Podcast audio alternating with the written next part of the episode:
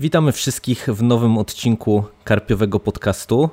Dziś w gronie, którego chyba jeszcze w tym miejscu nie słyszeliście, bo oprócz mnie, czyli Michała Rakowicza Dżerego, będziemy rozmawiać z Hubertem Mando-Spandowskim z Radia SK i dziesiątek innych podcastów. Wit witam Cię, Mando.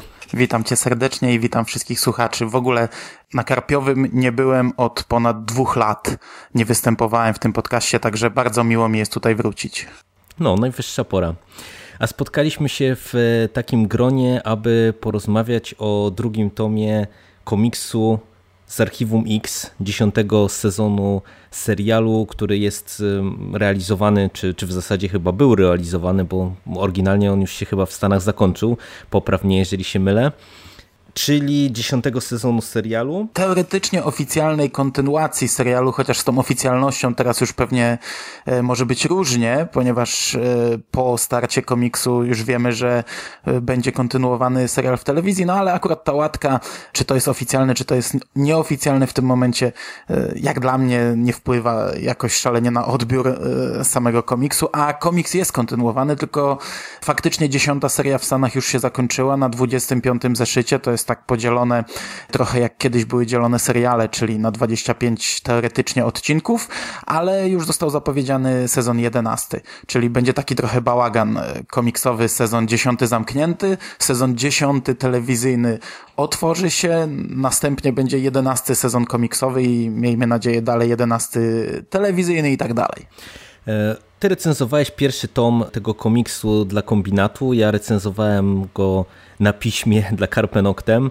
Dla tych, którzy są zainteresowani szczegółami naszych opinii, to zachęcamy, żeby po nie sięgnęli. Nie będziemy do tematu wracać, choć ogólnie powiemy, że nam się bardzo podobało. Tak, i w ogóle bardzo zbieżne opinie mieliśmy z tego, co pamiętam. Tak, no ale to można powiedzieć, że najkrócej rzecz ujmując, że to dla fanów to okazało się rzecz bardzo fajna i, i taki strzał w dziesiątkę, bo wielu miało obawy, zresztą ja też nigdy nie kryłem, że miałem obawy co, co do pomysłu jakby kontynuowania tego serialu w formie komiksu, a tu się okazało, że, że to jest bardzo przyjemna, bardzo przyjemna rzecz. A co więcej, y, SQN, który ten komiks na, naszym, na nasz rynek sprowadził, też można powiedzieć, że stanął na wysokości zadania, bo wyjątkowe tempo narzucili, jeżeli chodzi o ten cykl wydawniczy, bo dość szybko po pierwszym tomie dostajemy tom drugi. I zanim przejdziemy do jego omówienia, zadam Ci jedno pytanie, które mi się ciśnie na usta, y, jeżeli chodzi o ten drugi tom, czyli komiks Żywiciele. Ty, jeżeli chodzi o archiwum Mix, to byłeś zawsze zwolennikiem potworów tygodnia, czy raczej cię tam te wątki mitologiczne pociągały? Właśnie to, e, ja o tym samym sobie myślałem przed nagraniem, że, żeby takie pytanie zadać, od tego zacząć, bo e, fani archiwum jednak dzielą się na tych, co mówią, że troszeczkę nie lubili tego wątku mitologicznego UFO, albo ci, którzy uwielbiali UFO, gdzieś tam te poboczne wątki powiedzmy na drugim planie. Mm, jak pierwszy raz oglądałem Archiwum Mix w telewizji w latach 90., no to lubiłem te odcinki Stand Alone, te odcinki Monster of the Week i, i tak dalej, ale to dlatego, że oglądałem bardzo w kratkę i w a, a, oglądać mitologię w kratkę, to, to tam się można tak pogubić, że naprawdę wielokrotnie się zniechęcałem do tego serialu właśnie, gdy siadałem do jakiegoś odcinka, okazywało się, że to jest, nie wiem, trzecia część y, trylogii mitologicznej, której pierwszej i drugiej części nie widziałem. Dopiero potem, jak na studiach y, odświeżyłem sobie serial pierwszy raz tak od deski do deski, od, od pierwszego do ostatniego odcinka, to, to się zakochałem w mitologii. I chyba, no, Trudno jest mi tak naprawdę jednoznacznie wybrać. Ja uwielbiam całe archiwum, ale chyba jednak bardziej wolę e, mitologię. No, to dziękuję Ci bardzo za, za, tak wyczerpującą odpowiedź. E, no tak jak mówisz, no fani komiksu dzielą się e, no, dość wyraźnie na te dwie grupy, chociaż ja jestem tak po środku, bo mam wrażenie, że tutaj są i super wątki właśnie w tych takich wątkach mitologicznych, które często są deprecjonowane, ale ja też je bardzo doceniłem, jak zacząłem oglądać serial tak y, ciurkiem i, i kiedy było widać, że to naprawdę jest momentami przemyślane i, i, i fajnie się to wszystko rozwija, nie jest to tylko tak od czapy zupełnie wrzucane na zasadzie jakiegoś tam przerwnika nie do końca jasnego i bez jakiejś spójnej wizji. ale też jeżeli chodzi o te odcinki takie standalone z potworami tygodnia, to tam jest naprawdę mnóstwo kapitalnych odcinków i, i, i bardzo lubię też do nich wracać właśnie nieraz jako takiego pojedynczego, takiego one-shota. No ale to jest też siła tych seria te, tego typu seriali. Teraz już się troszeczkę mniej takich seriali kręci tego typu, ale kiedyś, gdy sezony miały właśnie po 20 parę odcinków, to było cholernie fajnie, przynajmniej w tym przypadku cholernie dobrze wyważone. E, właśnie odcinki mitologiczne przeplatające się z odcinkami po prostu ograniczającymi się do sprawy tygodnia i to było fajne. Teraz już tak seriali, no dużo mniej seriali się w ten sposób robi. Ale to, to powiem Ci szczerze, to, to czasami jest tak, że ja trochę żałuję, że taka formuła gdzieś tam e, no, lekko zaginęła, bo mam wrażenie, że przy niektórych tych serialach, które mają nadal te 22-23 odcinki, co prawda samych takich seriali już jest coraz mniej, ale to takie skupienie się gdzieś tam na, na jednym wątku to nie zawsze wychodzi dobrze i, i to później jest tak, że właśnie są takie odcinki zapełniacze, które no nie do końca jakoś tam mają sens i się trzymają kupy, tylko widać, że to jest takie przerywnik pomiędzy dwoma odcinkami z jakiegoś tam głównego wątku i, i to masz rację, no tutaj to, to świetnie działało zawsze. To była siła tego serialu, bo ja nawet kilka razy chciałem sobie zrobić tylko i wyłącznie maraton mitologiczny. Wypisałem sobie całą listę i, i wiesz, e, żeby obejrzeć jeszcze raz ten serial, ale odrzucając te wszystkie odcinki e, w cudzysłowie niepotrzebne. I, i nie dało się, nie dało się. To, to, to, to jest tyle cholernie fajnych odcinków, że jak wiesz, zaczynałem oglądać tę mitologię i tutaj patrzyłem na listę i mówię, kurczę, no mam tego teraz nie obejrzeć. Nie, nie, nie da rady. No, ale pytanie zadałem nie bez e, kozery, e, bo w przeciwieństwie do pierwszego tomu, tom drugi, czyli Żywiciele, to jest właśnie taki powrót e, odcinków z potworem tygodnia. I tak jak można powiedzieć, że pierwszy tom to był taki potężny uśmiech do fanów i taki ukłon w stronę fanów, jeżeli chodzi właśnie o tą część taką mitologiczną, gdzie mieliśmy dosyć mocno już pociągnięte nowe wątki w tym kierunku, gdzieś tam były zasygnalizowane tematy, które które, no, jak się można było domyślać, będą wracać w kolejnych odcinkach i w, w kolejnych odsłonach komiksu. Tak, w Żywicielach mamy y, wyraźny podział na cztery niezależne historyjki, z czego przynajmniej dwie to są takie w 100% klasyczne historie rodem z Monster of the Week i dwie historie takie bardziej niezależne, ale wszystko to jest y, chyba w no przynajmniej w moim odczuciu bardzo, bardzo mocno utrzymane w klimacie serialu. I też y, tak jak ten pierwszy komiks był mm, nafaszerowany odniesieniami, różnymi takimi smaczkami dla fanów, tak mimo, że ta druga część jest oparta właśnie na nieco innym schemacie i wracamy właśnie do takich pojedynczych historyjek, to tutaj też jest tego mnóstwo i to widać już y, nawet od okładki, gdzie, gdzie można powiedzieć, że wraca jeden z potworów, y, który przez fanów archiwum jest mocno hołubiony. No ale właśnie ten komiks, yy, mówiliśmy o konstrukcji serialu, komiks jest właśnie skonstruowany tak samo jak serial i to, i to też jest siła tego komiksu. Pierwszy tom, tak jak powiedziałeś, to był taki blok mitologii, teraz mamy yy, przeplatające się historie, trzeci tom będzie też cały pięciozeszytowa jedna historia, czwarty zeszyt to znów przeplatające się historie, no a, a piąty tom, yy, nie widziałem go jeszcze, nie pamiętam, nie mam pojęcia o czym będzie, ale skoro jest ostatni w sezonie, to zakładam, że to będzie jakiś taki mocny finał. Więc cały komiks, cały dziesiąty sezon komiksowy jest konstruowany właśnie tak, jak był konstruowany serial i to czuć i to się, i to, i to się czuje podczas lektury. No ale co ważne, to wraca wszystko dokładnie tak, jak było w serialu, czyli równie dobrze, bo y, ja miałem poczucie po prostu w trakcie lektury, że no oglądam dziesiąty sezon jednego ze swoich ulubionych, o, o ile nie najukochańszego serialu, bo od, w zasadzie od pierwszej strony no czuć, że to, to są te same schematy, te same zagrywki, te same patenty, które, które działały te lata temu i okazuje się, że działają równie dobrze teraz to od samej konstrukcji, od samego początku, od samego punktu wyjścia działa jak serial, no bo każdy zeszyt jest skonstruowany nawet jak odcinek serialu. Masz scenę otwierającą, która kończy się planszą z tytułem. I, no po, prostu myślę, że nie ma w tym momencie osoby, która czytając ten komiks w tym momencie nie no nie uśmiechnie się, nie usłyszy muzyczki e, lecącej w tle w swojej głowie w tym momencie. No i przechodzimy do części właściwej.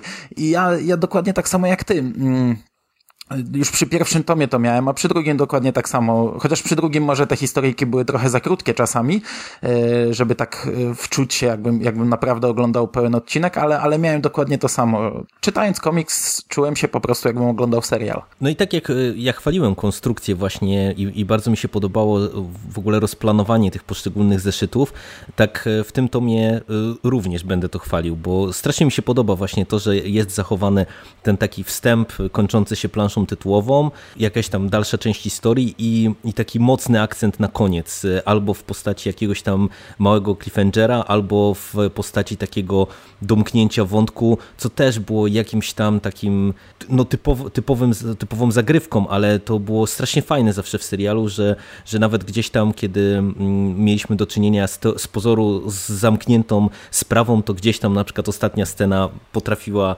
zasiać jakieś tam wątpliwości, czy trochę y, to, co nam się wydawało jako taką domkniętą całość.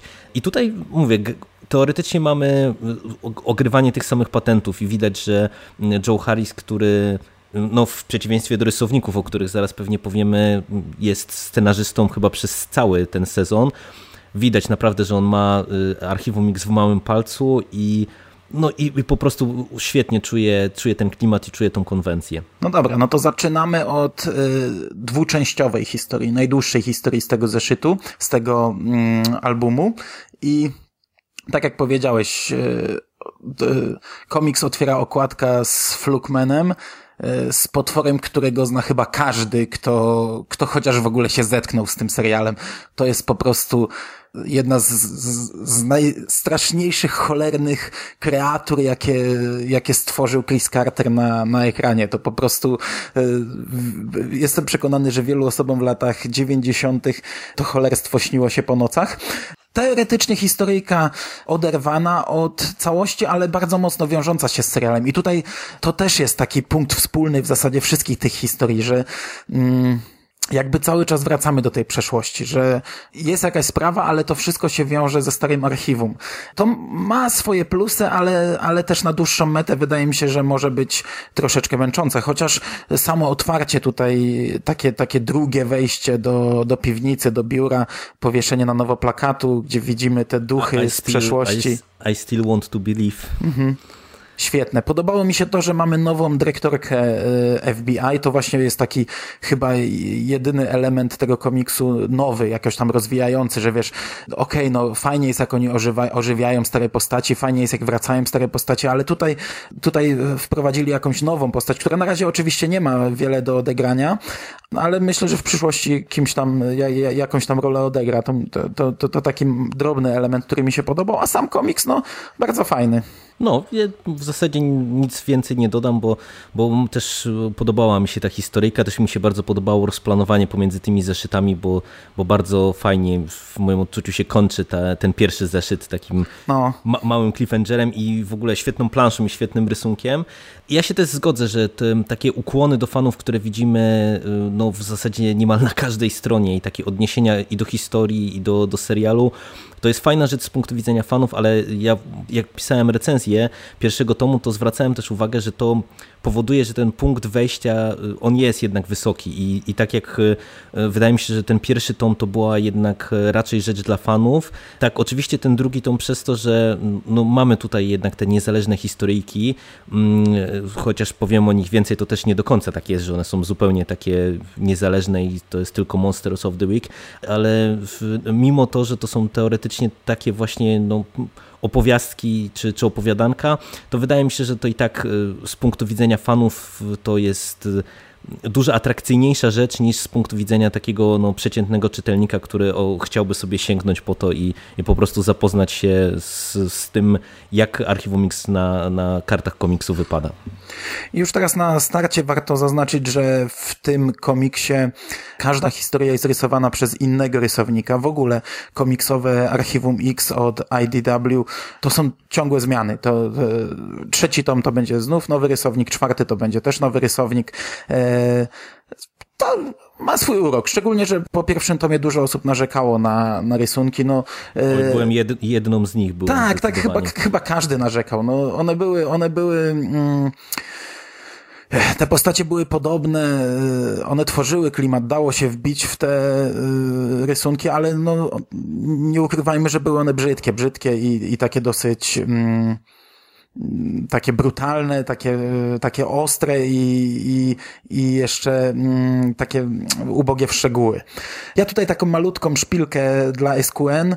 Każdy z tych rozdziałów zaczyna się taką stroną z okładką, jest napisany rozdział pierwszy i podpisane jest rysunki Carlos y, Valenzuela, przy czym to nie jest rysownik zeszytu, tylko to jest właśnie autor tej okładki. Tak, to tak, tak, tro, tak trochę, tak. trochę mnie myli. Ja nie zauważyłem tego przy pierwszym tomie, bo tam był jeden rysownik, więc kompletnie na to nie zwracałem uwagi. Tam też tak było. Czyli pewnie tak też jest w oryginale, no.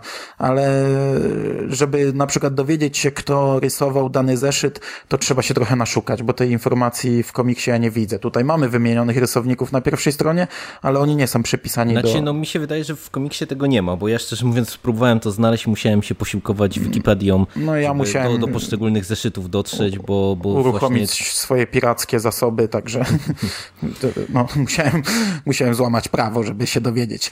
No ale tak jak wspominasz o tej, o tej pierwszej historii i o tym, że się zmieniają rysownicy, to mm, mi się rysunki w tej pierwszej historii, czyli właśnie w Żywicielach podobają, chociaż też e, malutka szpileczka dla rysowników, te rysunki są o niebo fajniejsze niż w pierwszym tomie i ja akurat lubię taką kreskę, natomiast e, tak jak e, trochę zastanawiające było dla mnie, że mimo że teoretycznie tutaj w komiksie upłynęło 10 lat od czasu, kiedy rozstawaliśmy się z bohaterami, to te postaci wyglądają tak samo, jak wyglądały właśnie te 10 lat temu, a tutaj to już wręcz jak zobaczyłem Skinnera, to tak stwierdziłem, że chyba rysownicy przesadzili aż, bo, bo wygląda po prostu jakby 10 lat nie minęło, tylko jakby się jeszcze 10 lat cofnął, no.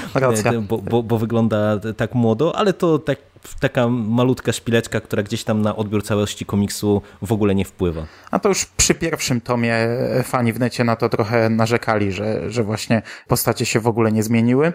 A same rysunki z pierwszego zeszytu dla mnie są bardzo ciekawe, takie troszeczkę bardziej kreskówkowe. To, to jest taki tro, trochę inny rysunek niż, niż w tym, znaczy trochę, no dużo inny rysunek niż w pierwszym albumie, ale e, bardzo mi się podobają. Bardzo na plus. A teraz, e, tak żeby przejść do kolejnej historii, to cię zaskoczę i właśnie zacznę od rysownika.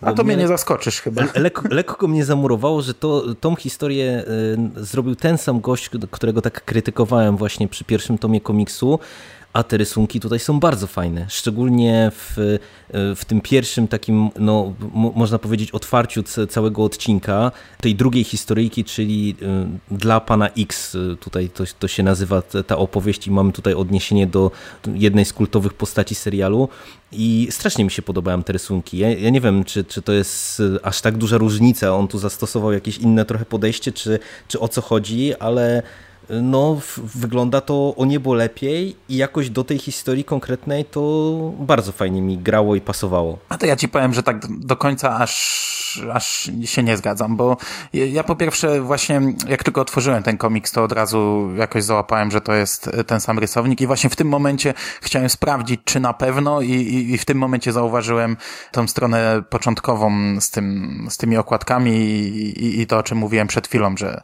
tam mamy autora okładek. A e, rysunkowo, no tutaj początek jest zupełnie inny kolorystycznie, bo ten komiks ma takie jakby dwie warstwy, teraźniejszość i retrospekcję właśnie z, z panem X. I te retrospekcje, no one, one mają taki kolor błota. I, to, i to jakoś tak znaczy, no ja nie wiem, mi się Kolor błota podoba... z czerwienią. Bo, bo... No, no, a właśnie mi się strasznie podoba te, ta kolorystyka tego, te, tego początku właśnie, kiedy mamy te przybitki takie, gdzie mamy plansze takie, można powiedzieć, normalnie pokolorowane i plansze z czerwienią. To strasznie fajny efekt tutaj daje właśnie w tej pierwszej fazie tego epizodu. No super, to, to dla mnie jakoś zagrało. Y, tym bardziej, że tutaj te kadry są tak pomysłowo skomponowane i, i to wykorzystanie tej czerwieni, no na mnie to akurat bardzo, bardzo fajnie podziałało, ale to mówię, to też podejrzewam, że to może nie być właśnie zasługa samego rysownika, tylko raz kolorystów, e, a dwa e, samego scenariusza, bo ten początek no, jest e, na pewno mocny i fajny, przynajmniej do, do mnie ewidentnie trafił. Ogólnie dobry komiks, mamy retrospekcję z Mister X, retrospekcje w serialu też się trafiały, też mieliśmy odcinki, które działy się nagle tam 10 lat wcześniej i widzieliśmy jakieś, nie wiem, pierwsze spotkania znanych postaci, także to jest bardzo mocno klimatycznie osadzone w serialu, bo tutaj nie tylko Mister X, tutaj również Deep Trot, Palacz, no różne postacie z przeszłości gdzieś tam się przewijają. Sam komiks, y, nie będziemy oczywiście spoilerować, ale jego zakończenie mocno otwarte, jak dla mnie. Chyba to jest jakieś wprowadzenie do... Oj tak, to, to, jest, to jest właśnie to, co tam chwilkę temu sygnalizowałem, że to nie do końca jest tak, że to są tylko i wyłącznie odcinki Monsters of the Week, takie typowe stand-alone, bo ja mam wrażenie, że i ta historia, i historia ostatnia... Z Palaczem, to, to, no. Tak, z Palaczem to są takie historie, które teoretycznie stanowią jakąś tam niezależną całość, ale przez te otwarte zakończenia i przez pewne elementy takie nawiązujące do mitologii y, i serialu i już do tej tworzącej się mitologii właśnie tego dziesiątego sezonu, to, to widać, że to gdzieś będzie, będzie wracać. I no to, to akurat mi się też bardzo podobało, że właśnie to tak jest, że mm, nawet w takiej teoretycznie prostej, krótkiej historyjce właśnie gdzieś tam umiejętnie w scenariuszu są te, te takie smaczki e, zawarte i że gdzieś tam właśnie buduje to tą większą całość, no, no bo według mnie to też była właśnie jakaś taka jedna mm, z sił tego serialu właśnie, że często scenarzyści potrafili właśnie nieraz takimi malutkimi elementami e, budować właśnie ten większy uniwersum, większy świat i, i że gdzieś tam coś pozornie rzuconego nieraz w jednym odcinku jako właśnie jakiś tam jeden dialog, który nie miał specjalnego znaczenia albo, albo nie znaliśmy jego jakiegoś tam znaczenia, gdzieś tam potrafił wrócić po, po kilkunastu odcinkach czy kilkudziesięciu odcinkach i, i, i urosnąć do, do jakiegoś całego ważnego wątku. Tak jest. Okej, okay, trzecia historia i, bo ja już tu nic nie dodam. E, trzecia historia, czyli Szczebiot. Początkowo tutaj miałem już taki troszeczkę przesyt, bo mówię, kurczę, no wrócił Flukman, wrócił Mr. X, wrócił Deep Trot, pełno nawiązań, a teraz e, sprawa z karaluchami. Ja, ja uwielbiam odcinek z trzeciego sezonu o, o no karaluchach, tak. ale mówię, ale mówię, kurde, no już nawet na, na, na tak prostej płaszczyźnie będzie, będzie powtórka z rozrywki, a okazuje się, że ta historia jest w zasadzie całkowicie oderwana. Ona nie ma kompletnie z, w związku z przeszłością serialu. Jest to, jest to krótka sprawa, w której po prostu gdzieś tam przewijają się karalucha, ale to nie ma związku z odcinkiem z piękną Dr. Bambi. Ale całość też w, bardzo w klimacie serialu, e, jakoś sympatycznie spuentowana. Jak dla mnie też bardzo przyjemny odcinek serialu narysowane dość realistycznie, chyba najbardziej takie realistyczne rysunki z całego komiksu. Postacie są czasami jak ze zdjęcia przerysowane. Też inaczej pokolorowane, bo dla mnie to jest w ogóle obcowanie z tym tomem to jest właśnie też taka ciekawa rzecz, bo ja aż na tyle dużo komiksów nie czytam, żeby wiesz, mieć jakieś takie stuprocentowe rozeznanie rynku i nie wiem na ile to jest w ogóle typowa zagrywka, ale to, to jest jakieś tam fajne doświadczenie, jak w zasadzie masz e, sytuację, że co zeszyt zmienia ci się, e, można powiedzieć, cały taki wizualny sznyt tego wszystkiego, bo, bo tutaj to jest tak, że mamy nie tylko zmienionych rysowników, ale chyba też e, eksperymentowali tutaj z, kolor, z kolorystyką i, i koloryści też się musieli zmieniać, bo widać, że to, to nie jest tylko tak, że to jest właśnie tak jak mówisz tutaj taka bardziej realistyczna kreska, ale tutaj nawet już na poziomie kolorów to jest utrzymane w zupełnie innej tonacji i, i wygląda to zupełnie inaczej niż na przykład w tych wcześniejszych odcinkach serialu, ale to się też sprawdza, bo, bo tak na dobrą sprawę to przecież, jeżeli ja dobrze pamiętam, to, to właśnie w, tak cały czas będziemy się odnosić do serialu, ale no w sumie nie ma co się dziwić. No przecież w serialu też były stosowane takie motywy, nie? że nieraz odcinki były jakieś tam, potrafił być odcinek i czarno-biały i gdzieś no tam tak, były no jakieś tak. takie nałożone jakieś tam specjalne filtry, że coś wyglądało bardziej mrocznie albo właśnie bardziej idyllicznie, mm, więc to na mnie to działa, że to też na, na tym poziomie gdzieś tam się twórcy bawią. Pewnie wiele więcej nie powiemy o tej historii i, i możemy przejść do odcinka ostatniego, Przemyślenia Palacza, gdzie wraca znów e, Nemezis na nasz, naszych bohaterów. I to jest od, odcinek, który znowu jest narysowany zupełnie inaczej. Mamy znowu dużo retrospekcji i mamy też coś, co chyba już bardzo mocno nas podprowadza pod jakąś dalszą mitologię. I to jest przykład odcinka, który mi się podobał, ale to już jest znowu, mam wrażenie, historia na tyle hermetyczna, że ktoś, kto z serialem nie miał do czynienia, to tutaj może się najzwyczajniej w świecie pogubić, bo, bo mam wrażenie, że tutaj scenarzysta bardzo mocno pojechał, w tym sensie, że tutaj tak, jak, tak. jak ktoś po prostu nawet oglądał serial, ale na przykład y, gdzieś tam nie pamięta tej mitologii, nie pamięta tych zależności, nie pamięta historii y, Spendera i, i Maldera jako przyjaciół w dawnych latach, jeszcze tam 60 i 70., to, to po prostu ja mam wrażenie, że to będzie dla, dla kogoś takiego, y, mówiąc po młodzieżowemu, jeden wielki mindfuck, bo, bo naprawdę tutaj scenariusz no, nie próbuje wyjaśniać tak na sprawę y, dokładnie, co tutaj się dzieje. Albo wiesz, albo nie wiesz o, mhm. o co mhm. chodzi i albo się będziesz dobrze bawił, albo, albo się zdziwisz po prostu i, i niewiele ci w głowie zostanie.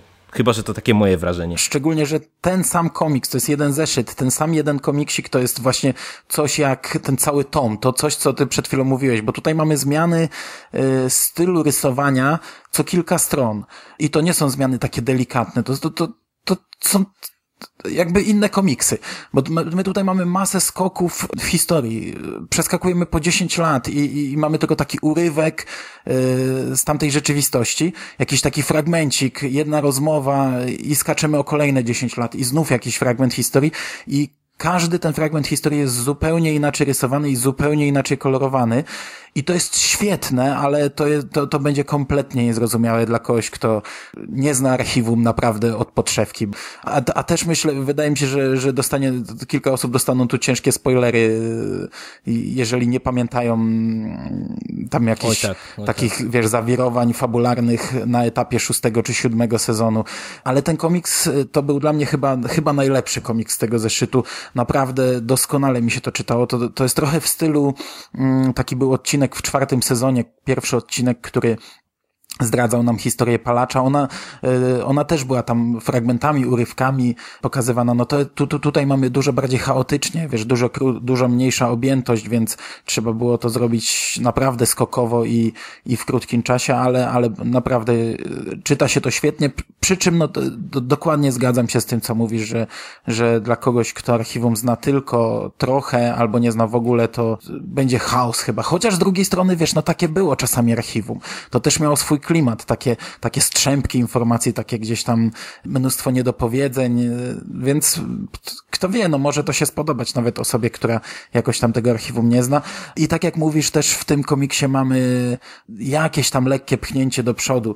Pamiętam jak rozmawialiśmy o pierwszym tomie, tak chwilę rozmawialiśmy.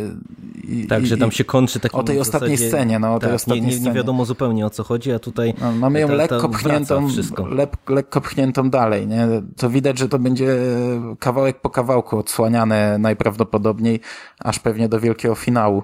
Ale to tak przechodząc do podsumowania, to ja ci powiem szczerze, że to jest jedna z tych rzeczy, które szalenie mnie ujmuje w tym komiksie, że ja mam takie poczucie, że mm, bardzo dobrze zrobiło, że mieliśmy tutaj do czynienia chyba z jednym scenarzystą, który gdzieś tam ściśle jeszcze z Carterem współpracował, pracując nad tą całą historią, bo tu widać, że to jest bardzo fajnie i tak zmyślnie rozplanowane, że tutaj właśnie w tych poszczególnych opowiastkach, jak w tej historii Pana X i, i w historii mm, Palacza, gdzieś tam jakieś takie smaczki, które pewnie będą e, do nas wracały, się pojawiają. Mamy odniesienia do tego pierwszego tomu, e, mamy odniesienia do wcześniejszych odcinków e, serialu, do, do wcześniejszej jakiejś tam mitologii.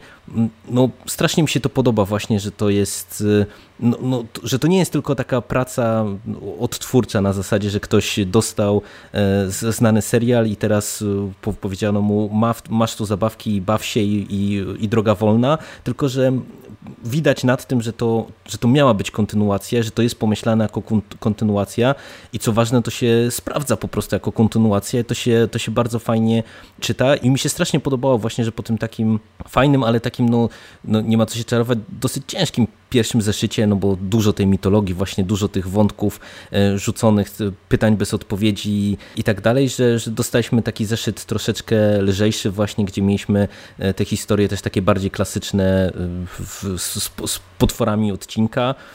Strasznie mi się to podobało. Nie wiem, jak, jakie są twoje odczucia w temacie. Ja pierwotnie oceniałem ten tom niżej. Tak, wiesz, w trakcie lektury sobie myślałem, że okej, okay, fajnie, dobrze, że jest różnorodność, jest, jest ciekawie, jest fajnie, ale, ale jednak pierwszy tom to był pierwszy tom, ale, ale, ale tak właśnie im bliżej końca i, i byłem, tym naprawdę coraz, coraz lepiej ten tom oceniałem i po zamknięciu, po skończeniu lektury uważam, że no, ciężko by mi było powiedzieć, na pewno na równi, a może nawet lepsze od pierwszego tomu. Po pierwsze, właśnie to, co mówisz, że okej, okay, no ten komiks jest napakowany smaczkami do serialu, ale to nawet w pewnym momencie się może znudzić, ale tutaj właśnie te smaczki, o których mówisz, te, które budują nową mitologię i one gdzieś tam się przeplatają i to jest świetne, to jest fajnie przemyślane i to jest bardzo dobrze zrobione i tutaj wielkie brawa naprawdę za to. Po drugie, różnorodność tego komiksu y, pod względem mm, nie, nie tyle fabularnym, co właśnie wizualnym. Z jednej strony to fajnie jest, jak y, historia jest rysowana przez jednego rysownika, jak mamy jakąś taką ciągłość i spójność i z jednej strony to jest za, zawsze uważane za plus dłuższych serii komiksowych, ale ja też czasami lubię widzieć różne wizje e, jakiejś historii, no bo ja tą historię i tak e, przetwarzam sobie, widzę gdzieś tam w głowie swoje obrazy, ale mogę spojrzeć na kartę komiksu i zobaczyć, e, jak rysowali to różni rysownicy i to jest naprawdę duży plus tego tomu. No a poza tym to tak ci wpadnę w słowo, no nie zapominajmy, że komiks to jest jednak medium wizualne i to, to jeżeli to jest fajnie podane właśnie od strony właśnie tej czysto graficznej, a, a tutaj w moim odczuciu to jest udane właśnie te eksperymenty, bo nawet jeżeli gdzieś tam któryś e, zeszyt jest narysowany gorzej, czy, czy inny podoba się nam bardziej, no to gdzieś właśnie przez tą różnorodność to ani się nie nudzimy, ani to, to po prostu jest interesujące właśnie też z tego punktu widzenia. No ale wiesz, zwykle zmiany rysownika w trakcie serii uważa się za e, jakąś tam negatywną rzecz, a, a tutaj to jest po prostu z góry tak, tak założone, tak, tak przemyślane i tak zrobione. Ale mi się wydaje, że tutaj wiesz, to działa, bo bo to się po prostu ogląda jak odcinek kolejnego serialu. I, i wiesz, w serialu takim, jak, jakim było archiwum, te, te właśnie nieraz zmiany pomiędzy poszczególnymi odcinkami, gdzie tam były zmiany y, i wizualne, i pod kątem nastroju, bo były przecież i odcinki bardziej idące w horror, bardziej idące w komedię, bardziej idące w science fiction. Y, to, to po prostu myślę, że ktoś, kto z y, archiwum obcował, no to, to zna to z autopsji. I tutaj właśnie też te zmiany rysowników i, i te zmiany w warstwie, w warstwie warstwie graficznej, mi się wydaje, że to się świetnie właśnie wpasuje i oddaje gdzieś tam tego ducha, ducha serii właśnie też na tym poziomie. No, no, ja się zgadzam, no.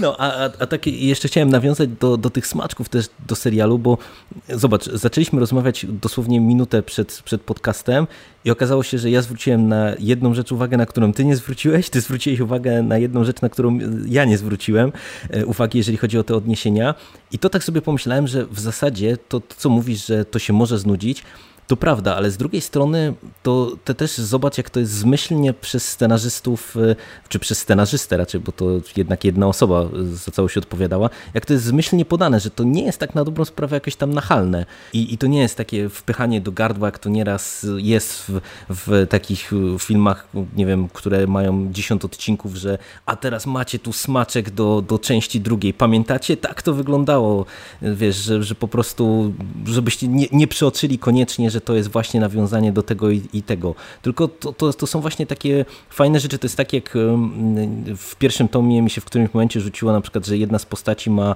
e, koszulkę z Lock and Key, mhm. gdzie, gdzie wiesz, gdzie to, to są takie smaczki, gdzie tak na dobrą sprawę możesz to przegapić, a jak zwrócić na to uwagę, to będziesz miał dodatkową zabawę, można powiedzieć, z lektury te, tego komiksu i, i to jest szalenie, szalenie sympatyczne. Tak, a to mówimy o takich drobiazgach, że tam gdzieś wypatrzyliśmy coś w tle i tak dalej. To jest świetne.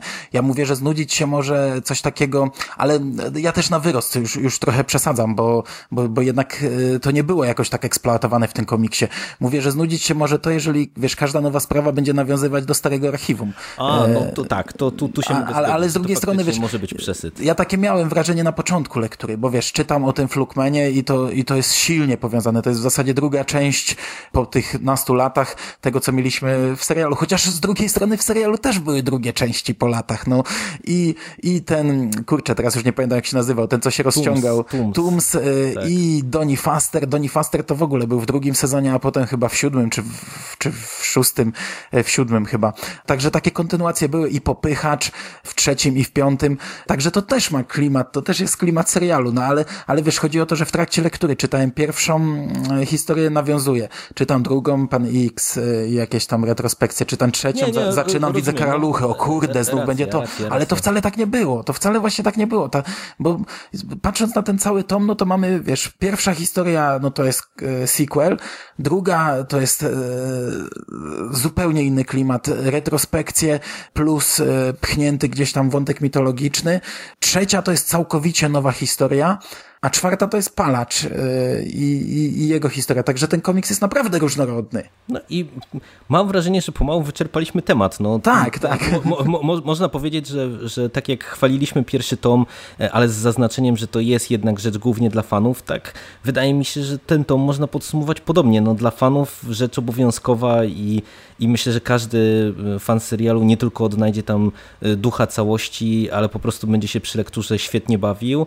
Dla kogoś, kto serialu nie zna, no to też ja o tym pisałem, to o tym mówiłeś w kombinacie, że to, to pewnie to nie jest tak, że może sobie zasiąść do tego dziesiątego sezonu i po prostu e, wejść od razu i, i, i zaczynać od tego przygodę jakby, jakby z archiwum Mix. Natomiast też tak sobie myślę i, i to jest e, ciekawe, będziemy w stanie to pewnie zdiagnozować po, po zamknięciu tego dziesiątego sezonu, bo ja też zaczynam mieć wrażenie, e, patrząc trochę na ten komiks i na to, jak tutaj mamy pewne rzeczy popchnięte, jeżeli chodzi o tą mitologię tego konkretnego sezonu, że być może to się okaże jeszcze tak, że paradoksalnie to można czytać autonomicznie na przykład całe te, te 25 zeszytów i że dla kogoś nawet niezaznajomionego z serialem to pytanie, czy to gdzieś tam w tych dalszych zeszytach to nie będzie tak pociągnięte, że to się wszystko wyjaśni i nawet ktoś, kto serialu nie znał się też w tym pułapie, nie? I to, co my teraz mówimy, że wysoki próg wejścia, że tylko dla fanów i tak dalej, że to się okaże, że po prostu cierpliwość będzie wynagrodzona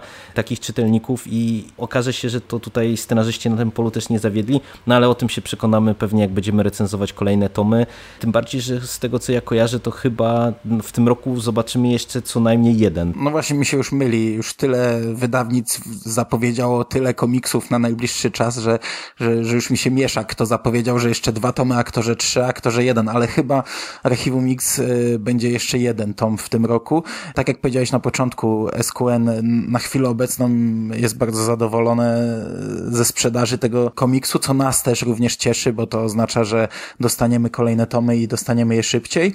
E, na jesień chyba będzie trzeci tom, tak, tak, tak mi się a wydaje. czwarty i piąty no, już raczej nie zdążą wydać przed startem telewizyjnej dziesiątej serii, więc będzie nam się trochę mieszać. Chociaż telewizyjna dziesiąta seria to jest półtora miesiąca, sześć odcinków, to, to tam nie, nie ma co się się namieszać. Natomiast już, już, tak zupełnie na koniec to jeszcze mi się skojarzyło tylko z jakby samym wydaniem, bo ja pamiętam, że widziałem sporo dyskusji y, i takich lekkich narzekań na to, że mniejszy format i, i, i tak dalej.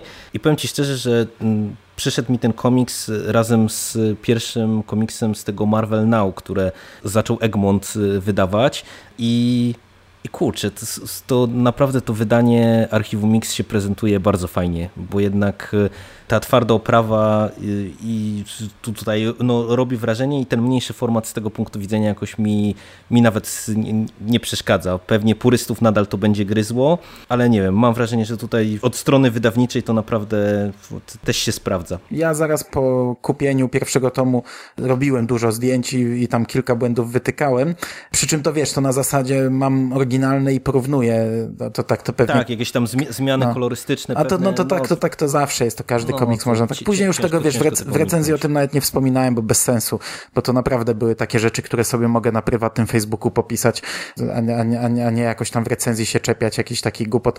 No, zmniejszony format czasami ludziom, ludzi to gryzie.